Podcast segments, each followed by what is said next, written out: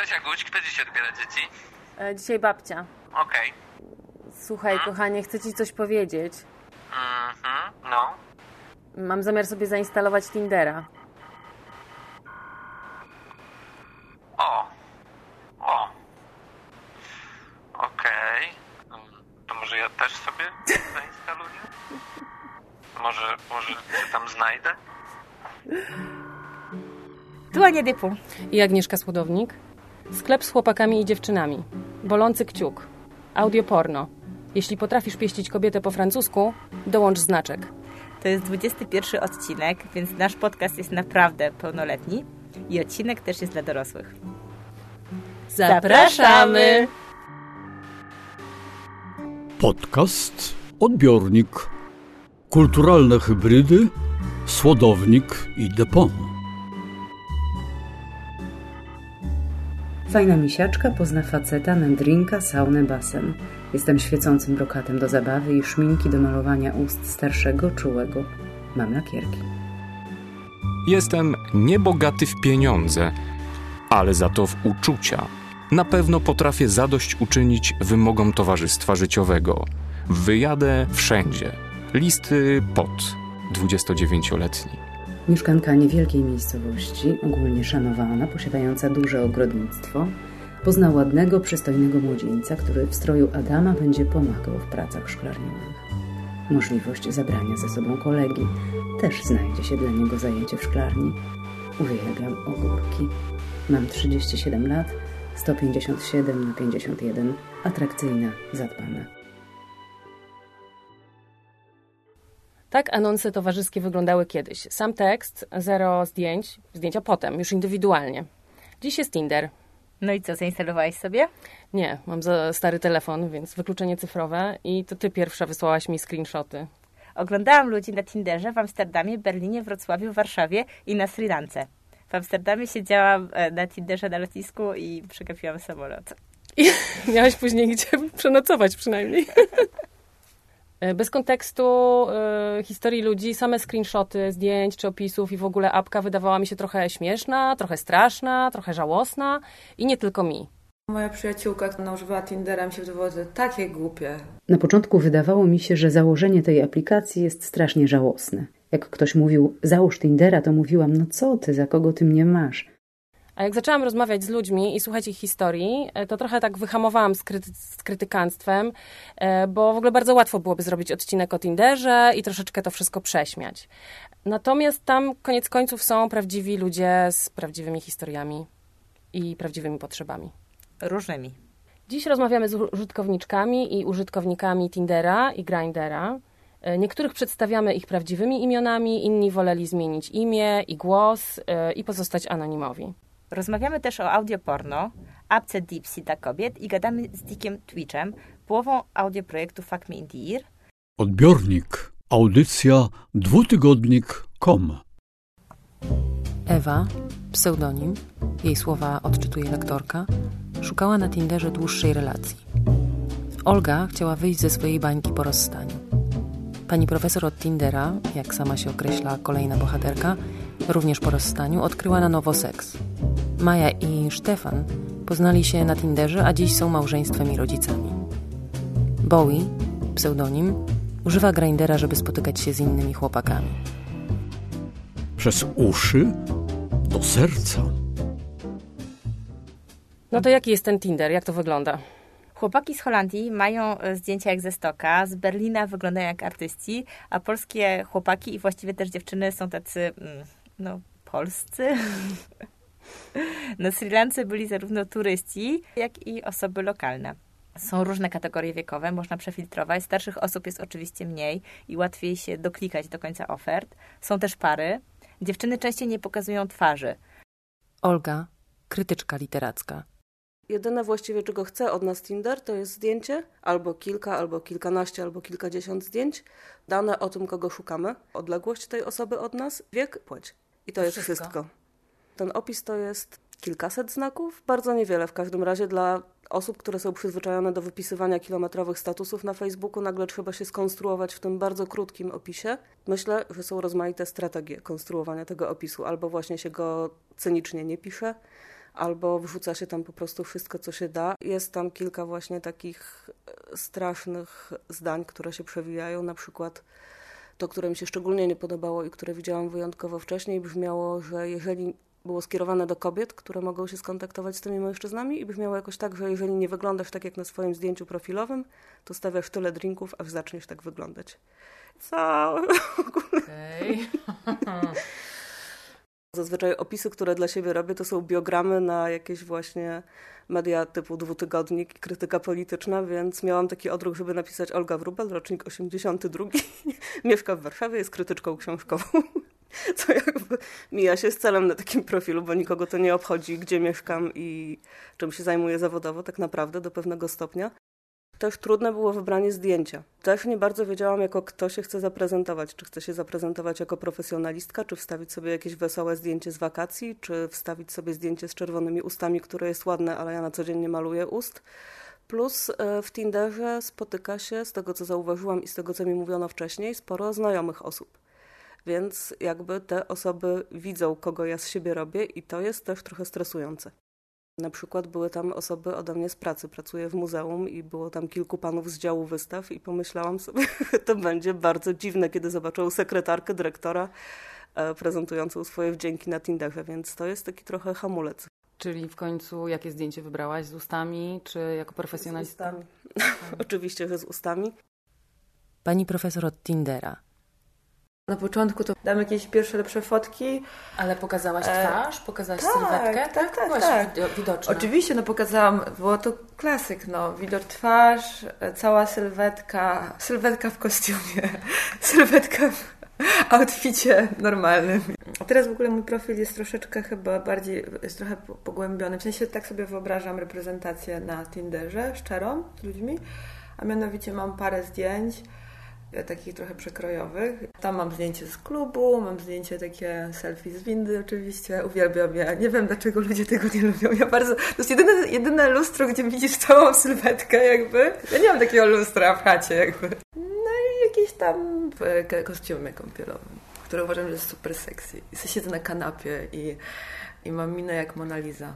Nie wiadomo, czy jakby Mhm. się uśmiecham, czy się dziwię.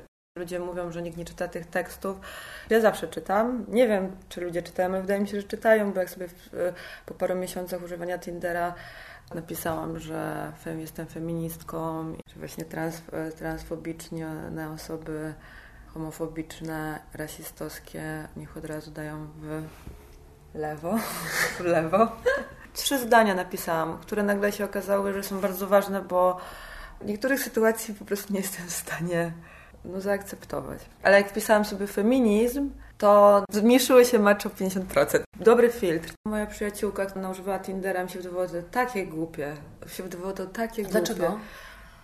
A bo właśnie tak patrzyłam w ogóle na te zdjęcia i tak mówię sobie, jak można nawet e, tak e, filtrować ludzi przez te fotki, jakieś tam opisy skonstruowane przez ludzi, niestety w dużej e, części bardzo e, słabe, typu no drama, albo jakby nie szukam żony, bo mam już rodzinę, jak chcesz mnie pouczać, to coś tam. No w ogóle jakieś takie, że taki bardzo często jakby te teksty to lepiej rzeczywiście nie czytać może. Chociaż czasami interesuje się ludźmi, którzy nie mają fotografii i mają zajebisty tekst. Stefan. you know, when I was looking for one night stands, Kiedy szukałem jednorazowego seksu, szybko doszedłem do wniosku, że jest wiele kobiet, które nie są zainteresowane spotkaniem, ale lubią być pożądane. Wchodzą w rozmowę i jakby chcą komplementów, używają facetów. Szybko doszedłem do wniosku, że nie będę tu zbyt szczęśliwy, jeśli nie będę się komunikował wprost. W pierwszej wiadomości po przywitaniu się pisałem: Hej, chcę się spotkać, gdziekolwiek chcesz. Płacę za kawę, czy cokolwiek sobie życzysz. Nie marnujmy tu czasu. W ten sposób z 15 czy 20 konwersacji miałem jedno spotkanie. Nieważne czy na raz, czy na dłużej, bo to było prawdziwe spotkanie. Ale pierwszy tydzień używania Tindera był okropny. Jako facet wkładasz w to tyle czasu, jeśli naprawdę chcesz się z kimś spotkać. A koniec końców ludzie nagle przestają się odzywać. Nawet cię nie usuną, żeby pokazać, że coś jest zakończone, tylko jest pustka, braku komunikacji. To może być bardzo frustrujące. Byłem zaskoczony, jak łatwa w obsłudze jest ta aplikacja.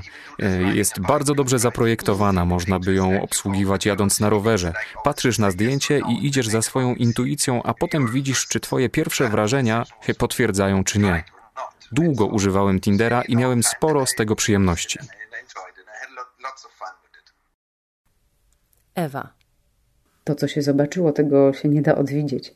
Oglądanie tych wszystkich klatek piersiowych, selfie w windzie. Byłam bardzo zmęczona powtarzalnością tych obrazów. Zastanawiam się, czy dałoby się stworzyć przepis na idealny mainstreamowy profil Tinderowy. Zdjęcie podczas uprawiania sportu, zdjęcie w pracy pokazujące prestiż, na przykład wystąpienie przed dużą publicznością, zdjęcie z mikrofonem, zdjęcie z dzieckiem, ale nie swoim. Warto dodać w opisie, że kuzynki, czyli opiekuńczy, wspaniały ojciec na przyszłość. Tego jest najwięcej i wolałabym już tego nie widzieć. Pierwszy raz, jak założyłam Tindera, to wrzuciłam sobie zdjęcie z takiej wystawy w CSW, gdzie była taka bardzo zamglona sala. Pierwsza osoba, z którą miałam match, napisała mi wiadomość: Wiesz, takie zdjęcie, na którym nie widać twarzy, to wrzuca osoba, która jest albo bardzo brzydka, albo ma coś do ukrycia. Pomyślałam: Aha, okej, okay, dzięki za info, nie wiedziałam, jestem tu nowa. Nie miałam rozkminionej tej kultury dodawania zdjęć. Ja w pewnym momencie zmieniłam mój profil z preferencji szukania mężczyzn na szukania kobiety i mimo tego, że nie mam zdjęcia czy nie mam żadnego opisu, dostałam 40 lajków, co jest dosyć dużo. Mm, I e, Tinder zachęcił mnie, żebym wydała 122 zł za wersję Gold i wtedy mogłabym zobaczyć, kto mnie polubił. Po co? Żeby skuteczniej przebierać w ofertach? Że już jakby odpisujesz do tych, którzy cię i tak polubili, tak? E, no nie wiem, no jakby wiesz, wiele osób mówi o Tinderze, że to jest chleb z chłopakami czy z dziewczynami, tak? Więc jak rozumiem, można lepiej wybrać sobie mm-hmm, ofertę. Mm-hmm, Mechanika rzeczywiście przypomina dołujące poszukiwania tej jedynej, jedynej lampy na Allegro. To brzydkie strasznie porównanie z tymi lampami, ale to jest tak, że oglądasz i oglądasz i wciąż nie znajdujesz tej jedynej lampy. Albo przeczytałaś już wszystkie instrukcje obsługi, właściwości i parametry, ale masz poczucie, że hmm, to nie to. Nie wydasz tych pieniędzy, swojego czasu na spotkanie. W przeciwieństwie do zakupów, tu nie masz możliwości cofnąć się do profilu, do którego byś chciała z perspektywy później zobaczonych osób, przynajmniej nie w tej wersji bezpłatnej. Nawet jak przez przypadek naciśniesz ten krzyżyk, bo tyle razy już naciskałaś ten krzyżyk, to nie da się cofnąć, a to przecież był właśnie kurde on. Przy zakupach możesz się zastanowić i wrócić. Nie zakładaj niczego. Ściągnij wszystko. Zainstalowałam sobie też dla porównania OkCupid, który korzysta z algorytmów wypracowanych na Harvardzie w 2004 roku i użytkownicy dobierani są na podstawie pytań dotyczących różnych dziedzin życia. Algorytm oblicza kompatybilność na podstawie odpowiedzi na te pytania. Ja też sobie zainstalowałam, nawet się udało na starym telefonie. Apka w ogóle się reklamuje hasłem You choose what matters, a po instalacji jest hasło You're about to go on better dates, że niby ten e, schemat zasilania aplikacji informacjami o sobie, takiej autoprezentacji szerszej, ma pomóc lepiej dobrać um, tą randkę z tymi pytaniami e, z formularza, chyba najciekawszym pytaniem było: wybierz, która romantyczna aktywność jest e, najlepsza, najciekawsza, najfajniejsza. I na początku, jak to zobaczyłam, tak, co romantyczna aktywność, w ogóle WTF. Kolejne pytanie, którego, na które nie odpowiem, ale opcje były takie: całowanie się w Paryżu, całowanie się w namiocie w lesie. No i wybrałam las i namiot i wydaje mi się, że ten namiot to mi tam parę ciekawych osób pod, e, podsunął. Ale z drugiej strony wiele pytań właśnie pozostawiłam bez odpowiedzi. Na przykład było pytanie o poglądy i wybór był taki. Liberalne łamane na lewicowe, mhm. E, centrowe, to była droga opcja, trzecia konserwatywne łamane na prawicowe i czwarta, nie pamiętam, inne czy coś, ale jakby nie było opcji na przykład konserwatywne łamane na lewicowe, do, doszłam mhm. do wniosku, że takie mam poglądy. I w ogóle to, ten cały schemat y, odpowiadania na pytania w kwestionariuszu y, jest jakby skuteczny, o ile zakładamy, że ludzie w ogóle mają samoświadomość. No i w tym kontekście ta prostota Tindera jest rzeczywiście kusząca, bo daje możliwość też właśnie wyjścia z bańki. Tindera też założyłam trochę po to, żeby wyjść ze swojej bańki i żeby rozszerzyć sobie ewentualne pole spotkań i nie spotykać się ciągle z krytykami literackimi, muzycznymi i z tymi wszystkimi ludźmi. To jest po prostu jak kazirodztwo. Trochę jakich wszystkich ciągle widzę. Więc chciałam zobaczyć, co jest na zewnątrz bańki. No i zobaczyłam. Tam jest kilka takich typów. Bardzo dużo mężczyzn ma zdjęcia w okularach przeciwsłonecznych. E, bardzo dużo mężczyzn za kierownicą samochodów. na wycieczkach wysokogórskich, aktywnie spędzających czas. I to jest może fajne, natomiast to zupełnie nie jest mój typ i tych mężczyzn było mnóstwo. Jakby przesuwanie ich i dotarcie do mężczyzn, którzy nie są na nartach, nie siedzą na lodowcu, nie smażą się na plaży, nie stoją ze szklanką piwa. Są też mężczyźni pozujący z bronią, co już jest w ogóle bardzo dziwaczne i odrażające, przynajmniej dla mnie. Więc przesuwanie tych mężczyzn i trafienie na kogokolwiek innego zajmowało mi masę czasu. I to powodowało straszną frustrację, bo zaczęłam za tą swoją bańką natychmiast tęsknić. Dla mnie zaskakujące było to, że jedna z pierwszych osób, które się, mi się wyświetliły na OkCupid była dokładnie taka sama jak na Tinderze. W sensie ten sam facet. Obie firmy należą do tej samej korporacji, która się nazywa Match Group i Tinder może nie zadaje tysiąca pytań, ale pobiera dane na temat użytkowników, aby lepiej ich dopasować. Zresztą jak pisała Judith Duportay z Guardiana, która poprosiła Tindera o informacje o sobie na podstawie RODO, otrzymała 800 stron danych, które Tinder pobiera na, swoich, na, te, na temat swoich użytkowników. To nawet nie list, tylko paczka. Mhm. No, w ogóle w przypadku y, Tindera mówi się też o uzależniającej takiej gamifikacji. I wyobrażam sobie, że to chodzi o to, że tak, po pierwsze siedzisz i przeglądasz te profile. W lewo, nie, w prawo, tak. Im więcej profili zobaczysz, tym większe prawdopodobieństwo, jeżeli inni cię też wybiorą i będzie ten match, więcej będzie tych maczy. No i w nagrodę możesz się z tą osobą skontaktować, bo wcześniej nie możesz. Lub po prostu dodajesz te osoby do takiej swojej kolekcji, jak trofeum. E, masz też właśnie tą kolekcję ludźmi, z którymi czatujesz. Gamifikacja w ogóle postępuje na Tinderze. W zeszłym roku Tinder uruchomił w ramach aplikacji 5-minutową grę, która się nazywa Swipe Night, czyli noc przesuw... Noc z kciukiem. Noc z kciukiem. E, I właśnie okazuje się w tej grze, że za kilka godzin na, w Ziemię uderzy meteor. I jak spędzisz ostatnie chwile swojego życia? Czy spędzisz je z przyjaciółmi, czy wolisz być sama albo sam? Po co sięgniesz najpierw w zdewastowanym sklepie osiedlowym? Czy po apteczkę pierwszej pomocy, czy po paczkę chipsów? I zakończenie gry zależy od Twoich odpowiedzi. One też determinują, kogo Tinder wrzuca Ci na listę potencjalnych maczy, ale nie są to tylko te osoby, które udzieliły takich samych odpowiedzi jak Ty. W ten sposób ma się też gotowy temat do rozmowy z maczami yy, na czacie lub na pierwszej randce yy, o tym, co się stało w trakcie gry. Więc ten small talk, powiedzmy, jest, jest łatwiejszy. No i Tinder w ten sposób się też zbliża do apek typu OkCupid, yy, że nie tylko fotka, ale i wspólne zainteresowania czy opinie. No i to też jest oczywiście sposób podbijania emo, które się czuje podczas korzystania z apki, a to jeszcze bardziej przywiązuje, przyzwyczaja i chce się wracać. A propos gier, Mozilla sfinansowała powstanie gry Monster Match, aby zwrócić uwagę na to, jak działają algorytmy apek randkowych. W grze swajpuje się różne potworki zamiast ludzi. Ariel Pardes pisała o tym w magazynie Wired. Chodzi o to, że kiedy pierwszy raz logujesz się do aplikacji, to już dostajesz jakieś propozycje. I te pierwsze propozycje zależą od tego, jakich wyborów dokonali ludzie przed tobą. Że na przykład częściej, bo tam w tej grze są, Mhm. nie wiem, wampiry, jakieś e, zombiaki, że na przykład częściej e, osoba, która e, na prawo zaznaczyła zombiaka, a na lewo wampira, to jakby sprawia, że jeżeli następ, ty następnym logowaniu zaznaczysz też to samo, że wampira najpierw, to już tego zombiaka w ogóle nie, nie zobaczysz. Mhm. Czyli, że jakby te algorytmy y, y, odrzucają ci sporą pulę postaci w tym wypadku y, na podstawie tego, co, jakie decyzje podjęli wcześniejsi użytkownicy. Czyli innymi słowy, ludzie są szufladkowani w wąskich kategoriach i niektóre osoby są po prostu rutynowo wykluczane z tej listy. Dokładnie. Mimo tego, co mówi gra Monster Match, te algory algorytmy zdają się działać. I wygląda na to, że rzeczywistość fizyczna jakby zawodziła w temacie nawiązywania kontaktów, romansów, związków, przyjaźni. Albo, nie wiem, my to tak zrobiliśmy pod tym faktem, że jakby prędzej sięgniemy po telefon, niż pójdziemy, nie wiem, do knajpy, stać przy barze i tam uśmiechać się do kogoś. Albo pójdziemy do, do knajpy, będziemy stać przy barze z telefonem w ręku. Tak, no i ten telefon właśnie jest skuteczny. Maja i Stefan, dwójka podróżników. Pracowałam wtedy w Mianmarze i potrzebowałam przedłużyć wizę. W tym celu jedzie się na kilka dni do Bangkoku. Pojechałam. W piątkowy wieczór miałam spotkać się z trójką przyjaciół. Wszyscy odwołali. Pomyślałam, że nie mam ochoty być sama. Chciałabym spędzić czas z jakimś człowiekiem i wpadło mi do głowy, że może Tinder to dobry pomysł.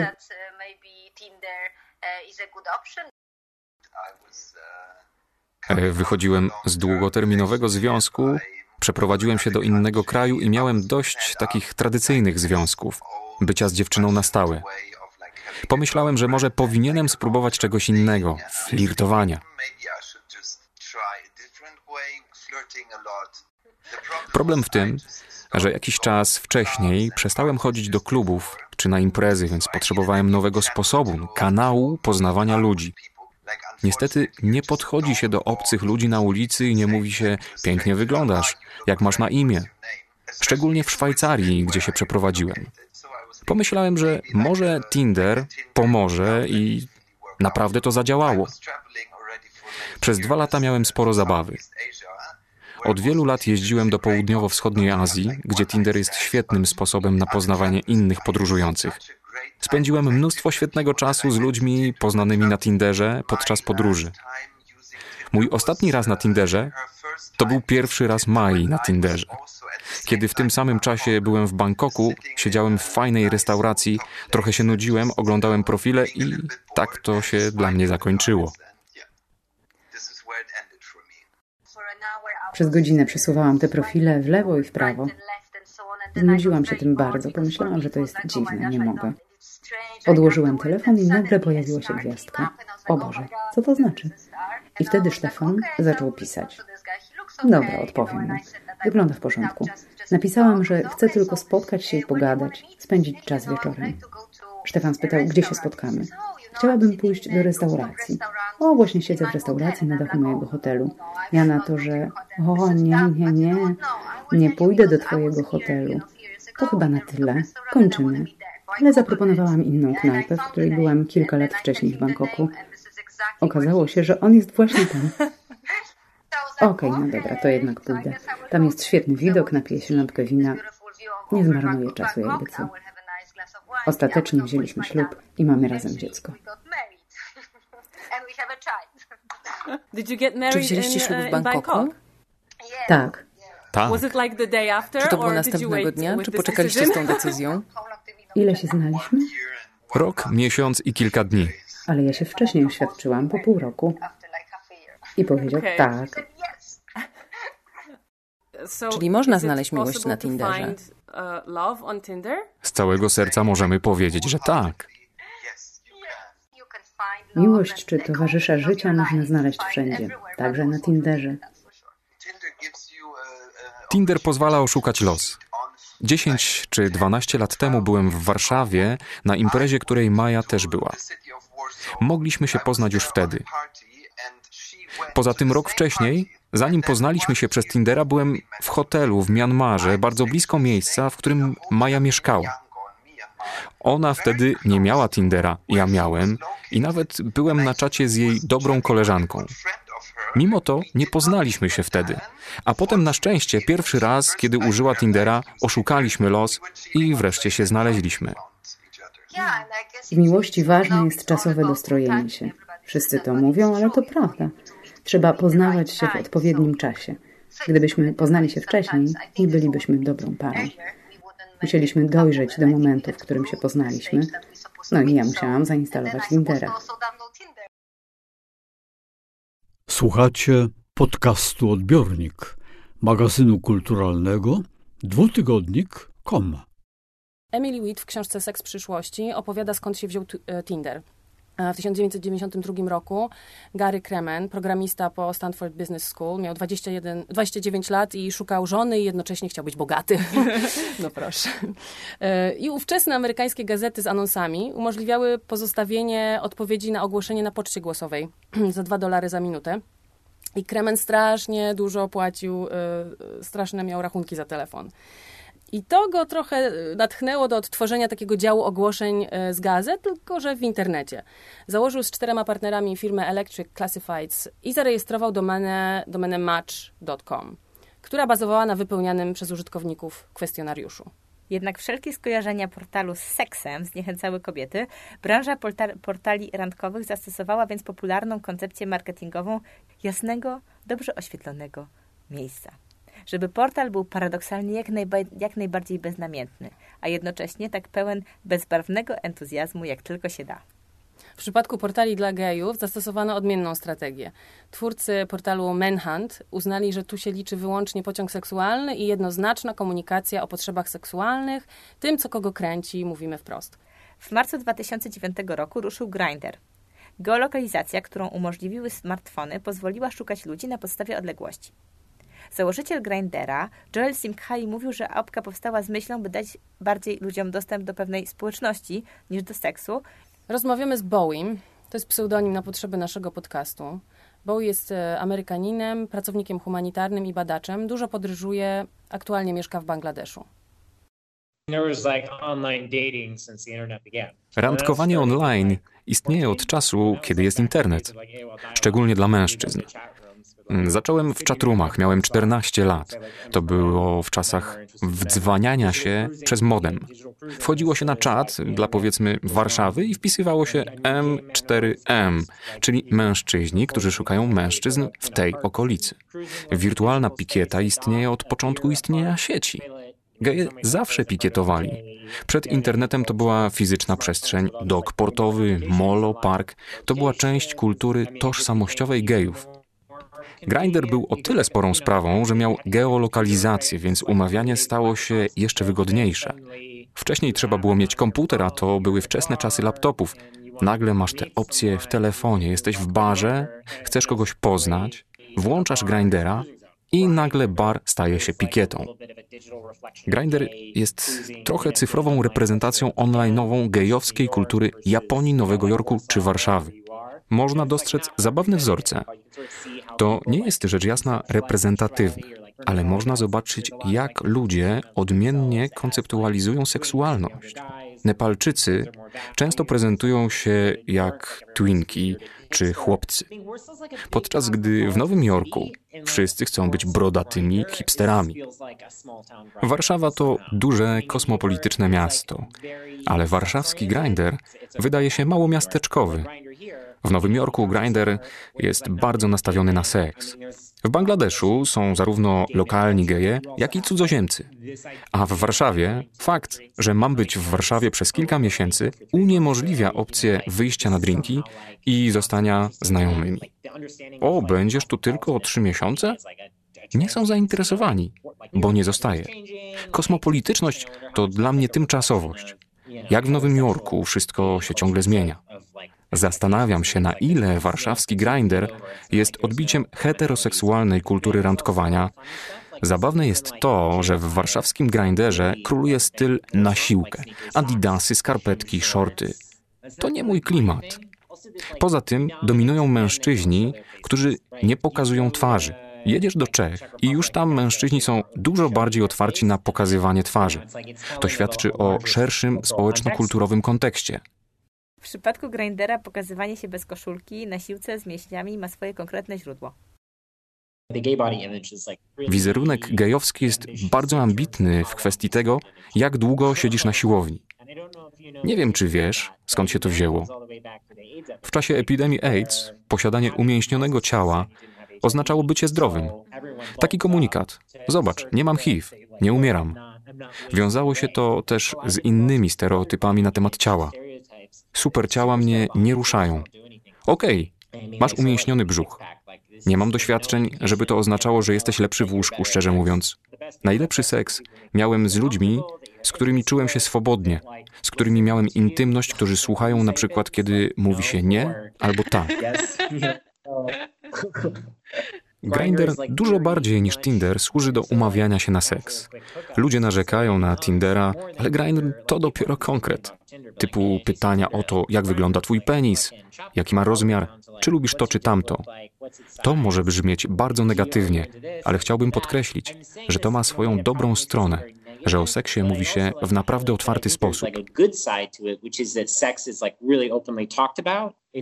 To jest dla mnie ciekawe, bo kiedy jestem z kobietami, to nie mam pojęcia, czego chcą, co je interesuje. A jeśli zapytam, to nie odpowiadają.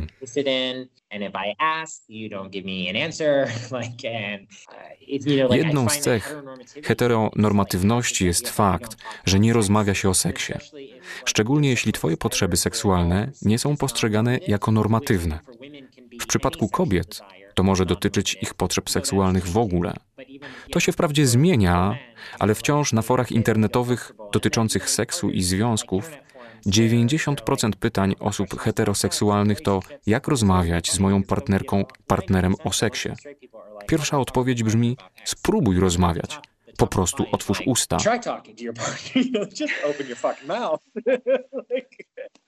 Podczas gdy na forach dla gejów masz zupełnie inne problemy. Moje doświadczenie Tindera, którego nienawidzę, jest takie, że ludzie często nie odpisują.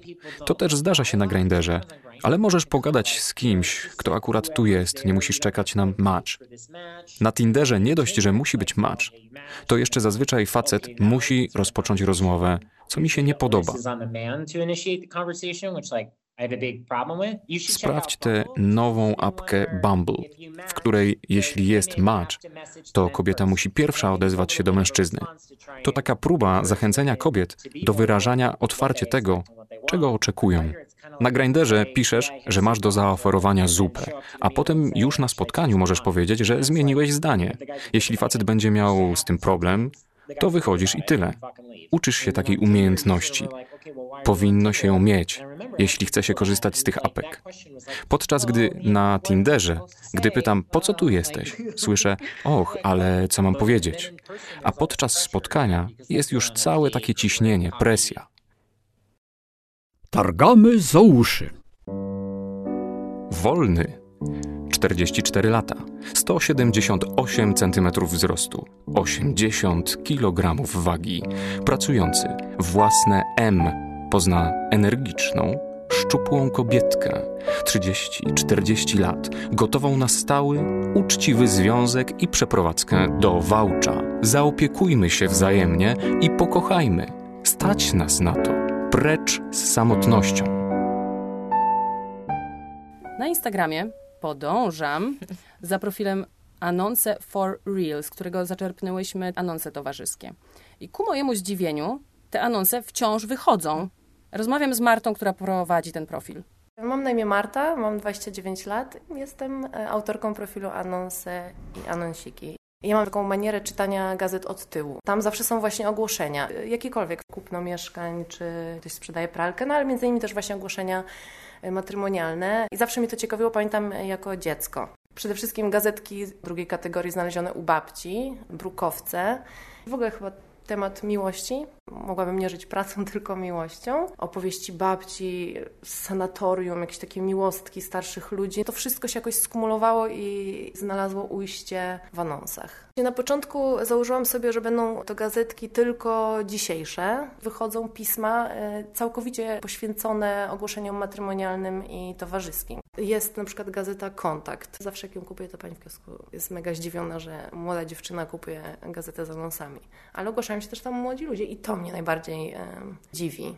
Bo jak zaczęłam e, robić te anonsy, to mi się przypomniała historia z dzieciństwa, jak e, przyłapałam dziadka, może moja babcia nie może usłyszeć tego, przyłapałam dziadka, jak chował coś do szafy. Zajrzałam do tej szafy, no wiadomo, ciekawość. No i to były jakieś takie sexy gazetki. Dziadek już zmarł dawno temu. Prowadząc te anonsy, przypomniała mi się ta historia i będąc u babci, jak babcia poszła do łazienki, zajrzałam do tej szafy i to naprawdę minęło już ponad 10 lat. Te gazetki cały czas tam były. To były gazety z lat 90. Też dodałam do anonsów. Napisała do mnie jedna z osób, która obserwuje mój profil i wrzuciła mi link do Polony, Biblioteki Cyfrowej, Biblioteki Narodowej. I tam w ogóle znalazłam anonsę z lat 20., 30.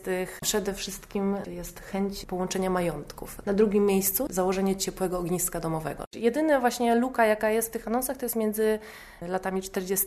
a właśnie do 80. Być może dlatego, że jakby władza miała trochę większy wpływ już wtedy na jakieś takie prywatne życie e, ludzi, nie wiem, ale no zamierzam się dokopać. To, co łączy wszystkie te anonsy, to jest chyba powszechna kulturowa potrzeba bliskości. Zawsze jest wiek, często są w ogóle znaki zodiaku. Jest opis y, nadawcy i pożądany obraz odbiorcy. I cel też oczywiście. Często to są ogłoszenia matrymonialne, no ale często też są ogłoszenia towarzyskie, no, które dotyczą też po prostu seksu.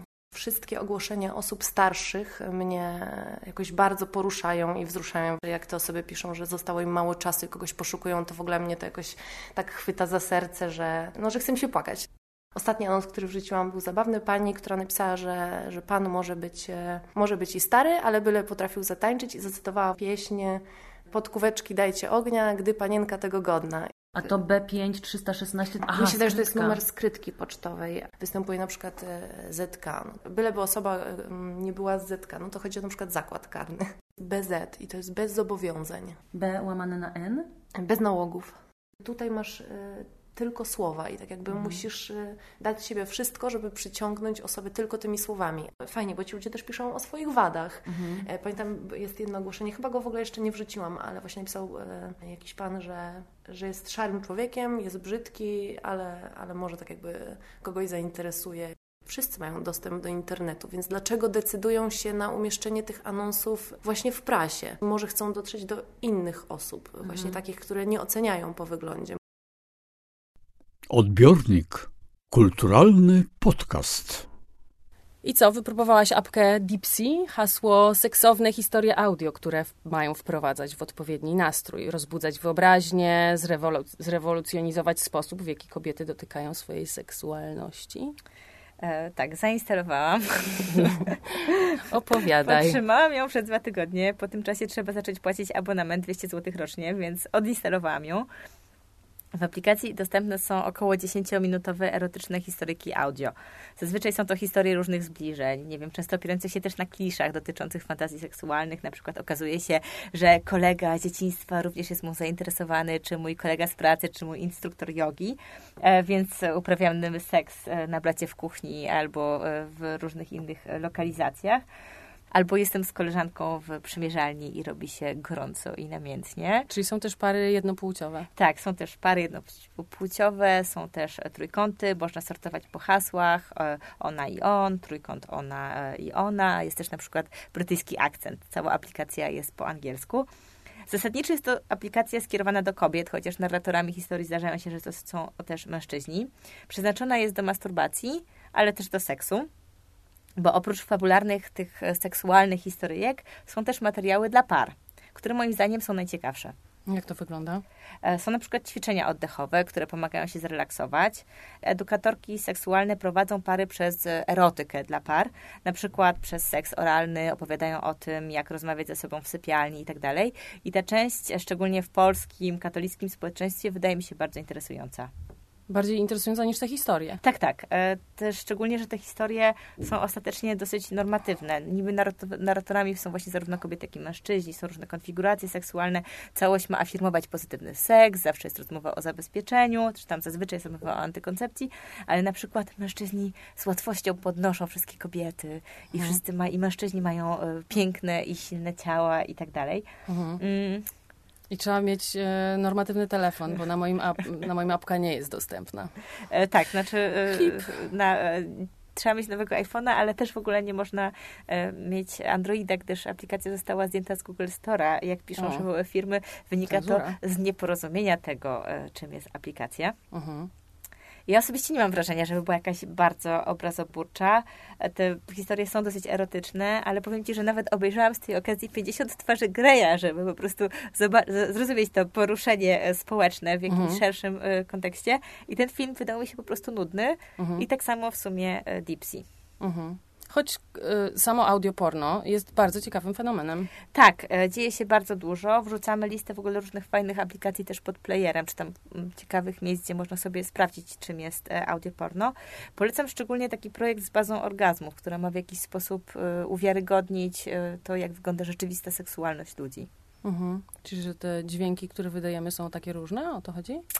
No zazwyczaj w telewizji czy w mediach jest jakieś przedstawienie tego, czym jest orgazm. Mhm. Jest to anonimowa baza, w której można po prostu wrzucić dźwięk swojego orgazmu i podzielić się nim z, in, nim z innymi. Hmm.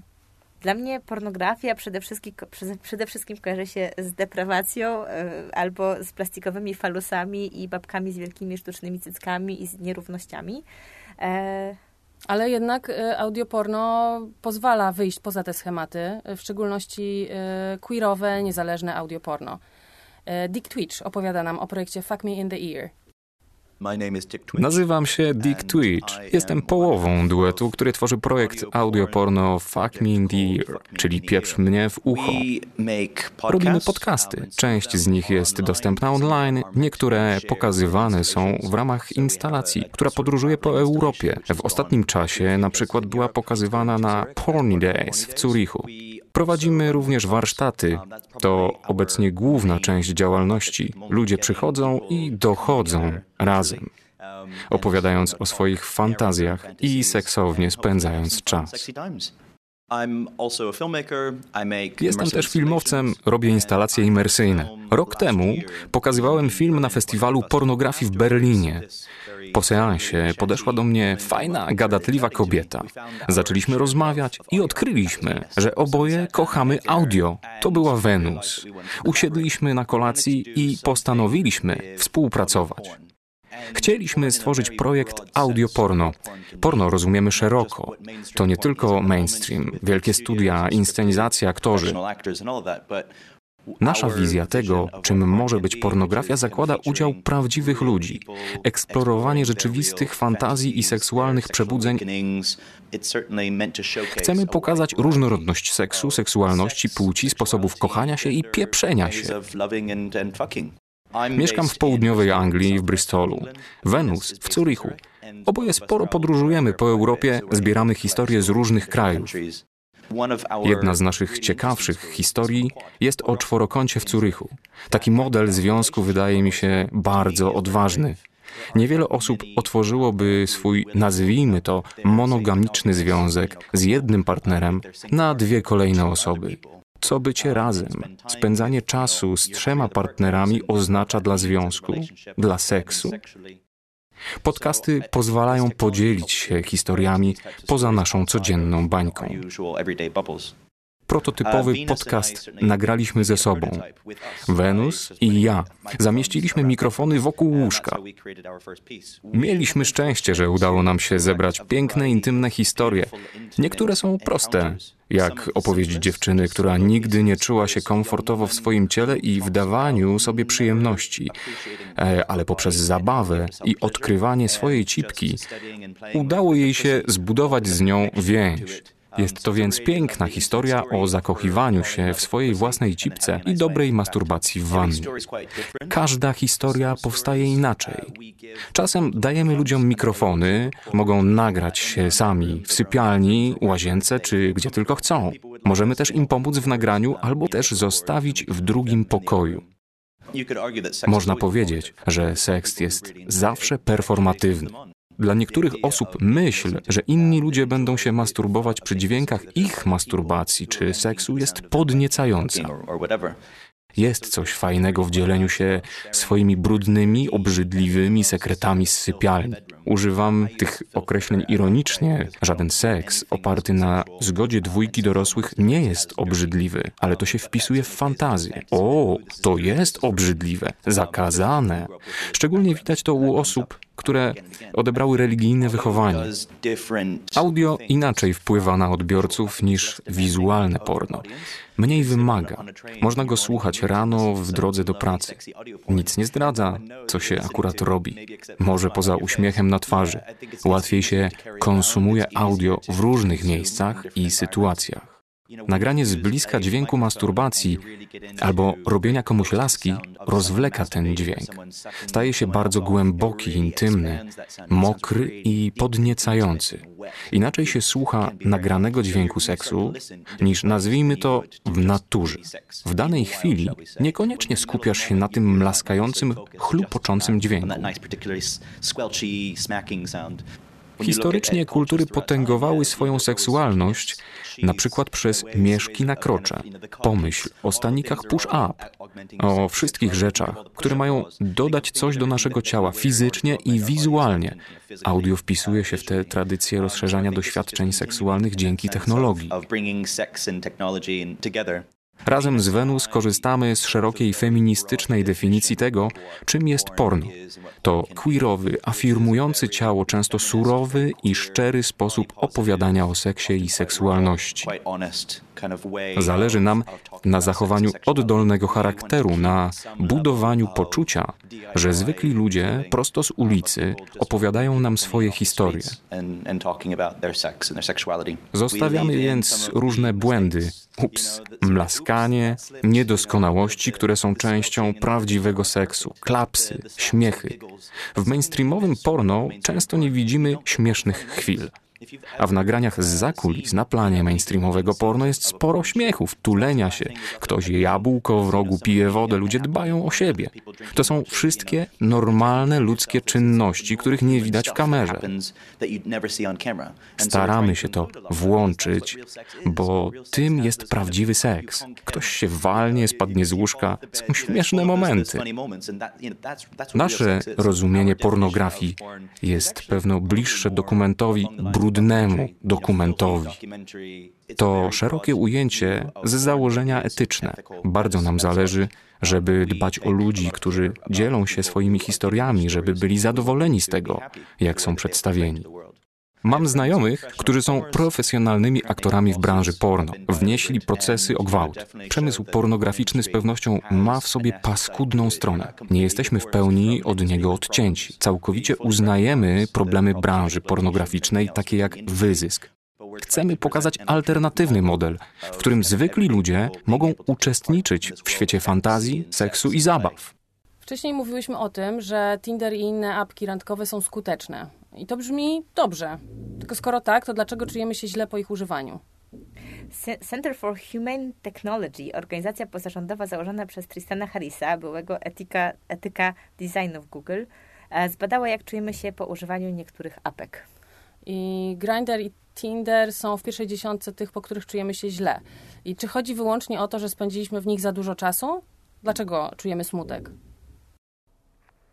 Spowodowało to we mnie jakieś duże zniechęcenie też do siebie, właśnie za to manualne przesuwanie, ale miałam przede wszystkim wrażenie, że to było dla mnie za wcześnie, że to była jakaś indywidualna w dużej mierze sprawa i że po prostu było to za blisko mojego dawnego życia i że byłam jeszcze strasznie nastawiona na porównywanie tych mężczyzn z moim byłym mężem, co wypadło po prostu jakoś koszmarnie i jakby zamiast się dobrze bawić na tym Tinderze, to doszłam do jakiegoś upiornego wniosku, że już nigdy nie spotkam nikogo tak wspaniałego. I sobie pomyślałam, po co to robisz? To jest niedobre w ogóle. To, to nie jest ten rodzaj rozrywki, o którą chodziło. Idź, poczytaj sobie książkę, kobieto. Co zrobiłam? zupełnie zniechęcił mnie kontakt z mężczyzną, który chciał się ze mną spotkać, nawet wyglądał przyzwoicie, ponieważ doszłam do etapu wymiany kilku wiadomości. Ponieważ zostawiłam sobie tę nieszczęsną krytyczkę literacką w opisie, to mężczyzna zaczął przysyłać mi swoje wiersze i pytać, co o nich sądzę. Czy te wiersze były złe? Nie, były bardzo dobre. Nie, były okropne. Były bardzo złe i pomyślałam, że to nie jest ten rodzaj kontaktu, o który mi chodzi. Tinder jakby jest dla mnie właśnie zbyt technologiczny. Ja nie potrafię nawet nie zakochać się, ale zafascynować się kimś patrząc na obrazek, że jednak potrzebuję tego kontaktu twarzą w twarz, jakiegoś po prostu nie iskry, ale żywego człowieka. I że to przesuwanie zdjęć to w ogóle nie jest sposób, w jaki ja mogę nawiązać jakikolwiek kontakt, ponieważ jestem przyzwyczajona jednak do kontaktów werbalnych, do wymiany słów, do jakiejś rozmowy opartej na interakcji i że po prostu tutaj ta zimna technologia absolutnie do mnie nie trafia, naprawdę wolałabym sobie jeszcze raz umalować te usta i podrywać facetów w barze, niż znowu spędzić dwie godziny przesuwając zdjęcia na komórce. Wydaje mi się, że są bardziej e, jakieś takie prawdopodobieństwa zranienia takiego emocjonalnego. Najważniejsze to jest to, żeby pytać się, czy ludzie się badają. Wiadomo, że nie przedstawisz świadectwa, że zrobiłeś wszystkie badania na choroby weneryczne i przenoszone drogą płciową, ale ja się na przykład pytam zawsze, bo wiem, że nawet takie pytanie, nawet jeśli kolo tego nie robi, to, to często w ogóle coś tam zaskoczy. No ale to co, to nie chcesz w gumce? No nie, no ale seks oralny jakby, tam też się przynoszą. Serio w ogóle, wiesz, jakby, no nikt nie powie serio. Rozumiem, że, to, jest- że dla mnie to jest największy strach. Nie lubię demonizowania tych przestrzeni. Dla mnie okazały się uwalniające. Mogłem w nich mówić otwarcie o swojej seksualności bezpiecznie. Miałem 14 lat. To może dziwna rzecz, którą mówię, bo takie przestrzenie, szczególnie dla 14-latka, nie są bezpieczne i mogły mi się przydarzyć niebezpieczne rzeczy. Ale te zagrożenia są w społeczeństwie, a nie w apce. Tkwią w fakcie, że za bardzo się wstydzę mówić otwarcie o sobie, żeby moje praktyki były bezpieczne. Że za bardzo wstydzisz się rozmawiać otwarcie o tym, co chcesz robić ze swoim partnerem, więc nie mówisz i lądujesz w sytuacji, której nie chcesz i czujesz presję. O tym powinniśmy rozmawiać, zamiast winić Tindera, Grindera, Facebooka i telefon. Może i są zaprojektowane tak, żeby nas wciągać i uzależnić, ale gdzie w tym wszystkim nasza podmiotowość jako ludzi? Zamiast skupić się na tym, oceniamy apki. Jeśli mamy jakichś słuchaczy w Stanach, którzy próbowali opcji e, Facebook Dating, to koniecznie opowiedzcie nam o swoim doświadczeniu. Z tego co czytałam, działa to tylko na telefonach w ramach już jakby istniejącej apki Facebooka, ale trzeba stworzyć osobny profil randkowy, zaznaczyć na jakie wydarzenia się wybierasz, a Facebook wyświetli ci innych, którzy też tam się wybierają, ale nie są już e, twoimi e, znajomymi na Facebooku. I można czatować, ale wyłącznie tekstem nie można przesyłać zdjęć. Czyli Jasne, dobrze oświetlone miejsce.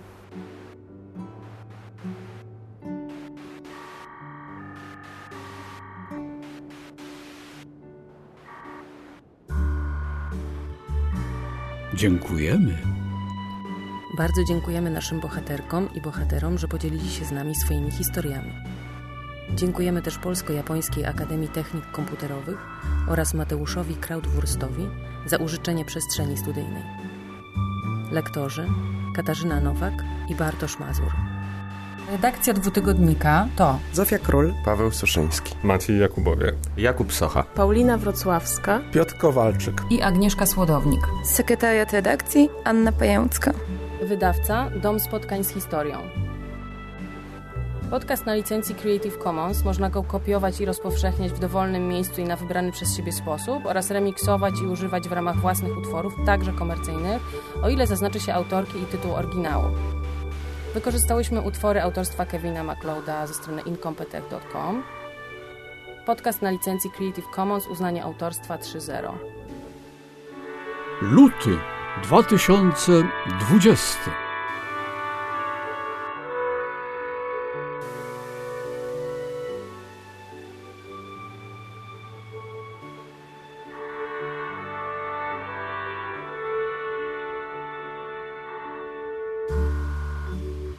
Rozwódka była żona oficera Wojska Polskiego, 38 lat, wyznania rzymskokatolickiego, wysoka, wytworna, elegancka, postawna, pięknie zbudowana, reprezentacyjna, wybitnie ładna, ciemna blondyna o dużych niebieskich oczach, inteligentna, wykształcona, włada pięcioma językami, muzykalna, fortepian, uczuciowa, poznała w celu matrymonialnym majętnego dżentelmena do lat 55.